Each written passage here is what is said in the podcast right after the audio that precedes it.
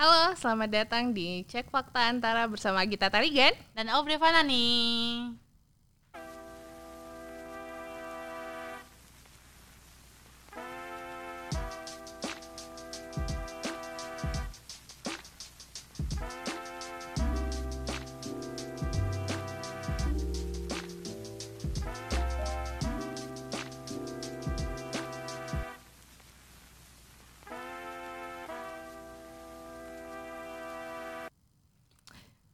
Bre, Ya, ah, sebagai pengecek fakta nih udah berapa lama Bre?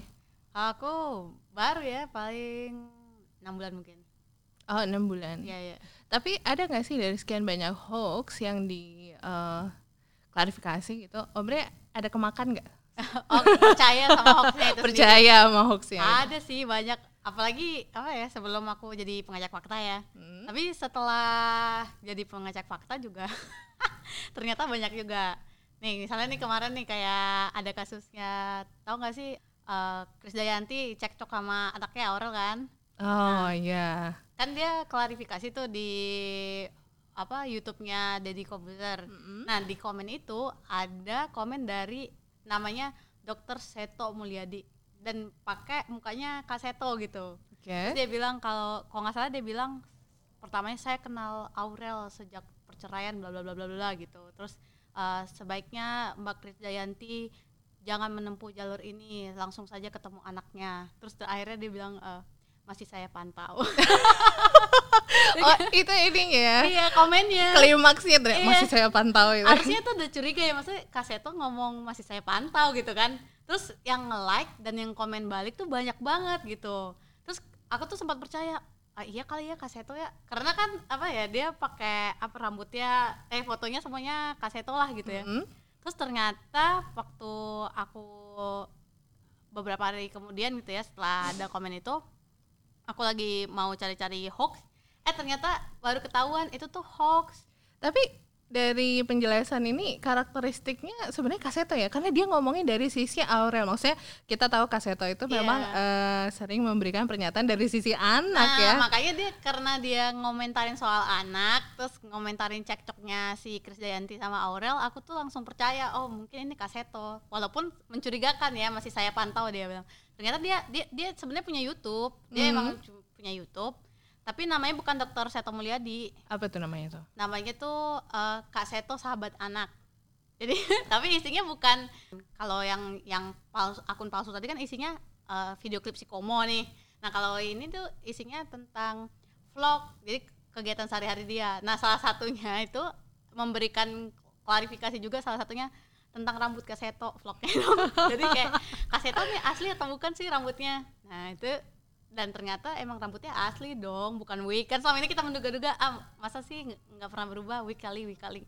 Enggak. Cuma rahasianya dia ngasih tahu tuh rahasianya kenapa rambut dia tetap kayak gitu. Ternyata dia tuh tukang pangkasnya itu itu aja dari dulu. Oh. dan tahu nggak pangkasnya di mana? Di mana? di Bali dong.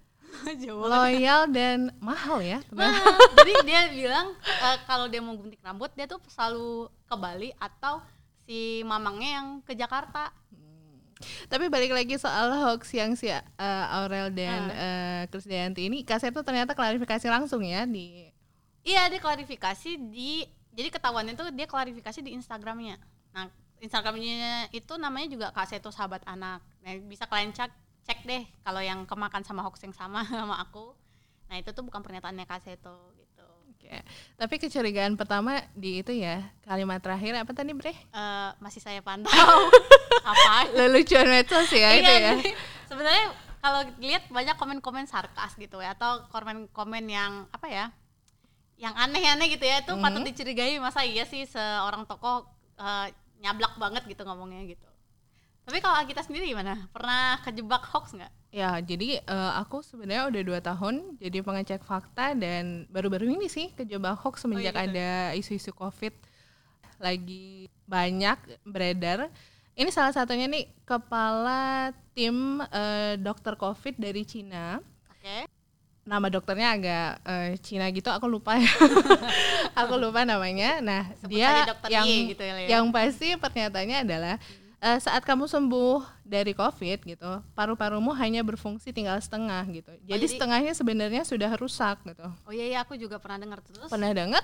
Nah, satu lagi dia bilang gini, ketika vaksin eh, COVID itu udah ditemukan, itu hanya untuk penyambung nyawa. Jadi ya kondisimu hanya setengah persen, 50 persen. Oh, jadi kayak setengah hidup gitu ya. Iya. Nah, Dan kamu percaya? yang ngutip tuh Hotman loh, Hotman Paris, Oh, salah satu pengacara iya, kondang eh, di Indonesia. Jadi dan Hotman itu kan eh, satu satu kritis ya gitu. Dan dia memberikan sumber dia dari salah satu institut kesehatan di Iya dia salah sa- dari salah satu institut kesehatan jadi ya kayak oh kayak meyakinkan ya terus kayak lebih oh, ya udah pokoknya jaga kesehatan jangan sampai kena covid kalau enggak nanti nyawanya tinggal setengah Nyawa tinggal setengah. Oke. Ah, ternyata setelah ditelusurin itu tuh pernyataannya dikutip salah satu eh, lembaga dari Bali, tapi mereka tidak mendukung keterangan itu dengan eh, keterangan ilmiah. Oh, jadi itu kayak asbun ya, asal bunyi aja gitu. Iya, mereka kayak asal nyomot aja gitu, tapi nggak diklarifikasi lagi gitu. Jadi kan bisa aja itu informasi rekayasa ya, Iya, iya, iya. bisa. Tapi memang kalau ter- terkait kesehatan memang kita gampang banget ya kena ya. kekhawatiran mungkin ya jadi kayak eh, apa pun yang kalau unsur kedekatannya sangat dekat sama kita kayaknya langsung percaya nggak sih Iya sih aku juga kalau misalnya yang kesehatan misalnya minum apa, disuruh minum apa untuk nyembuh, eh, percaya sih dilakuin. jamu untuk ini eh, untuk nyembuhin covid eh, asap rokok Iya, biasanya mereka itu kayaknya gampang ini ya Tapi kalau nggak salah berapa tahun lalu ya waktu ada acara per- kebebasan pers dunia tuh di Jakarta, Hmm. aku pernah sempat datang ke situ. Jadi salah satu pembicara aku lupa siapa, dia memang pernah menyebut. Jadi itu sebelum zaman pemilu ya. Jadi kalau sebelum pemilu, hoax yang paling banyak beredar itu emang hoax-hoax kesehatan sebenarnya. oh oke Heeh. Jadi setelah masuk pemilu, hoax-hoax pemilu lah yang mendominasi. gitu. Hmm, jadi balik lagi ke timingnya Iya, jadi ya kita juga perlu waspada sama hoax-hoax kesehatan sebenarnya. Eh, Bre, kalau ngomongin masih soal hoax, ada nggak sih hoax yang terkonyol yang pernah kamu percayain gitu?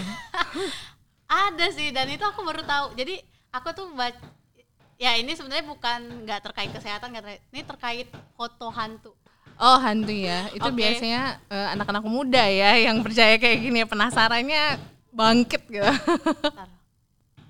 Jadi salah satunya em, itu kayaknya pas aku kuliah atau gimana gitu ya. Biasalah internet kan.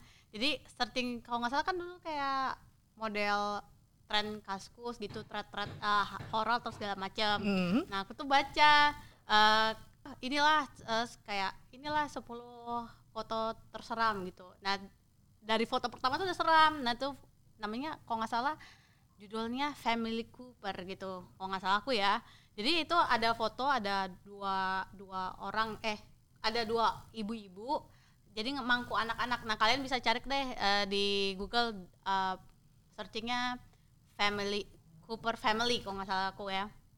Nah tuh nanti di- jadi angle-nya tuh dia tuh di si ibu-ibu sama anak-anak ini yang pangku-pangkuan di sudut sebelah kanan bawah gitu. Jadi ada ruang kosong tuh kan di atas sama di kanannya kan. Nah terus di kanan atas itu ada kayak makhluk jatuh dari atap gitu juga gitu. Dan itu cuma hitam gitu. Jadi itu serem banget. Jadi tuh foto hitam putih dan kebetulan hitam putih kan. Jadi serem banget gitu. Aku tuh merinding dong. Dan aku tuh selalu ketakutan lihat foto itu sampai sekarang. Oh. Nah, baru ketahuannya ternyata itu bohongan, itu editan. Baru ketahuannya saat aku nonton YouTube, nonton YouTube. Kan banyak tuh channel-channel konspirasi, channel-channel misteri gitu kan. Nah, aku lihat, nah ternyata foto itu tuh palsu. Itu tuh eh, ternyata diedit dan itu tuh foto penari balet. Jadi kalau diputar balik, Ya. posisinya itu kayak penari balet lagi mer- eh, naik naikin tangan gitu di situ sih aku runtuh ya kepercaya apa ya selama ini kan aku sangat percaya dengan cerita-cerita hantu ya. Di situ tuh kayak yang aku percaya hampir 10 tahun ternyata bohong gitu. Jadi eh, ternyata rekan saya ini 10 tahun mempercayai sebuah foto hantu ya. yang ternyata bohongan tuh sedih banget ternyata loh. Tahu itu bohong karena aku ketakutan gitu.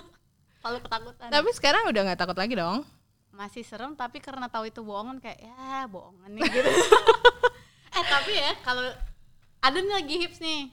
Kemarin sempat hip di TikTok Antrum tahu nggak film Antrum? Belum, belum, belum. nah jadi video film Antrum tuh sempat heboh banget di TikTok karena katanya itu adalah film yang hilang telah ditemukan kembali gitu. Jadi ceritanya kalau nggak salah aku ya jadi eh, itu film produksi 70-an Hmm. terus eh, hilang karena pas waktu pemutarannya itu mengandung kutukan. Bioskopnya kebakar banyak korban segala macem gitu.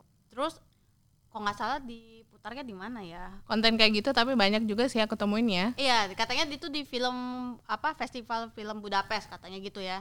Saya terus dia bilang 2018 kemarin tuh film ditemukan lagi dan diputar kembali. Nah itu hasilnya film si Antrum itu. Oke. tapi nah aku langsung curiga dong. Maksudnya kebakaran film terkutuk yang menyebabkan satu bioskop kebakaran di film di festival film gitu kan itu pasti kan berita besar ya aku lacak dong aku searching karena aku penasaran dan hasilnya tidak ada satupun website yang menunjukkan foto kebakaran di Budapest itu Jadi itu inform- informasi tunggal bombastis tanpa bukti nyata. benar Oh my god.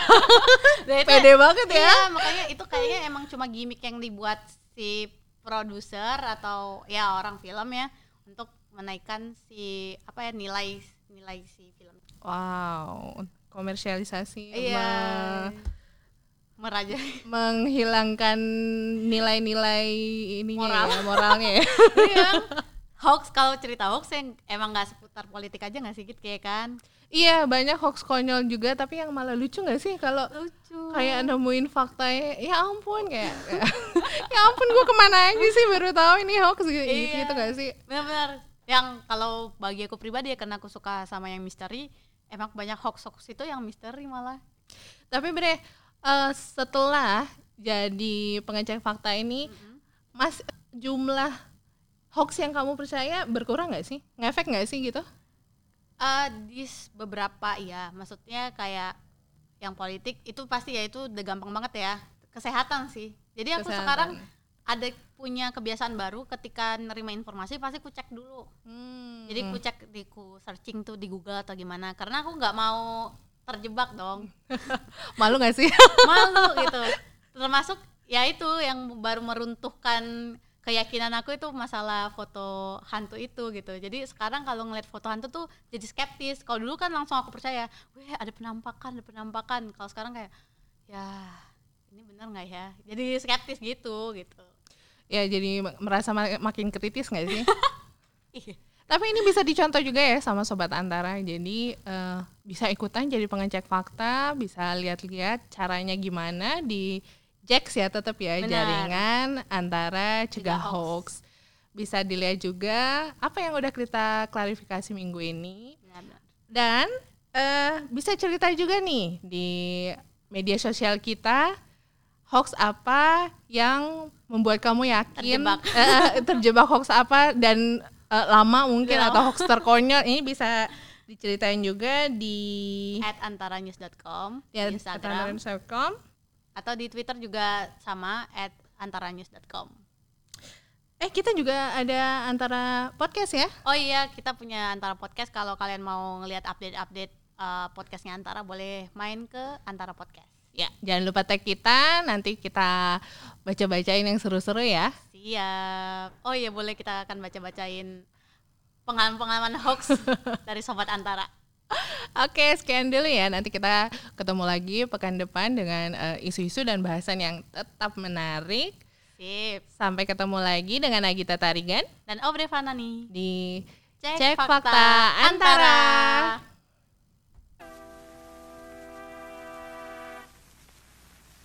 Aku nyari